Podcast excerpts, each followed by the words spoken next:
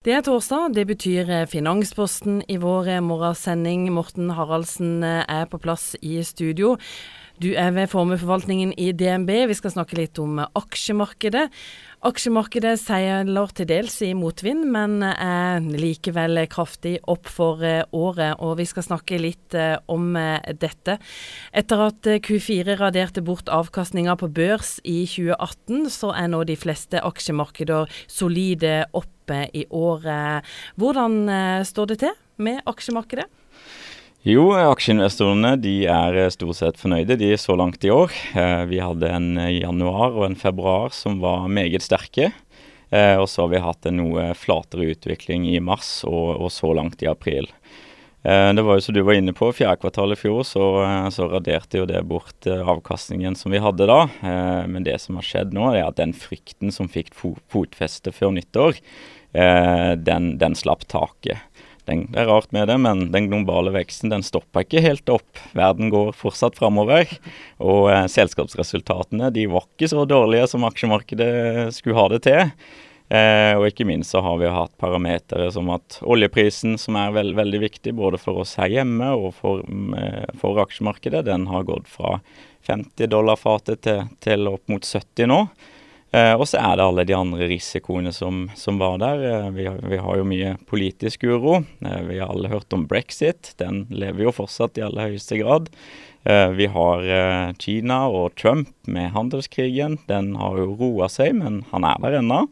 Eh, men det er noen faktisk engang sånn da at aksjemarkedet det velger minste motstandsvei, og hittil i år så har det vært opp. Ja, For det er utrolig mye som på en måte spiller inn på aksjemarkedet, som bl.a. de tingene du nevnte der.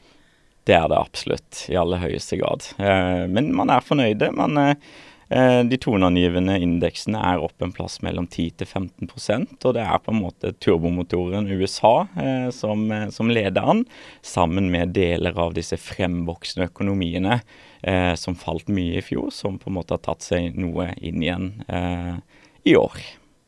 Og så er det jo en vei videre. Hva er DNB sitt syn på, på markedet framover?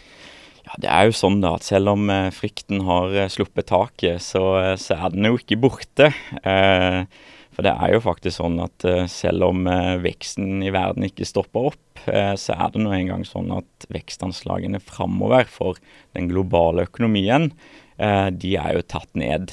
og de er, tenderer til å komme ned mot trendvekst. Um, Brexit holder jo på ennå, uh, så Teresa May har får uh, mest sannsynlig utsettelse videre nå. Men uh, der jobber de jo for å få en handelsavtale med EU. Um, og så er det jo fortsatt handelskrig mellom Kina og, og USA. Um, og hvis vi skal si det sånn, handelskrigen og kanskje det at ja, Handelskrigen er nok kanskje det som kan løse opp i, at aksjemarkedet kan gå videre nå. Får de på plass en avtale, så ser vi for oss at det kan eh, bli et, eh, et enda bedre år i, i aksjemarkedet enn det vi også har sett. Vi skal fortsette å snakke om eh, aksjemarkedet, og eh, Morten Haraldsen fra DNB er i studio denne torsdagsmorgenen.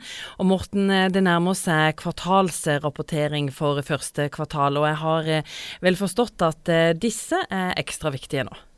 Det er det. Eh, nå er det sånn at den neste måneden nå så vil jo da de børsnoterte selskapene eh, levere sine tall for første kvartal. Og Det vi så fra fjerdekvartalstallene til disse selskapene, var jo at det, det, var, det bærte preg av at det var en fall i, i inntjeningen. Eh, og dermed så, så, kan man jo si nå at eh, når aksjer nå har blitt dyrere i år, så kan det se ut som om at aksjer bare har blitt dyrere priser. De tjener ikke mer penger, eh, men aksjene har gått opp, og det vil si at de bare har blitt dyrere. Dermed så blir den eh, neste måneden veldig spennende å se om eh, selskapene fortsetter den tendensen, eller om det bare var en, eh, en liten fase, og at de nå og at nå inntjeningen tar seg opp igjen. Så, så absolutt, for å få en videre, kall det boost i aksjemarkedet nå, så er vi avhengig av at disse tallene viser en, en litt annen retning enn hva, hva fjerde kvartalene viste.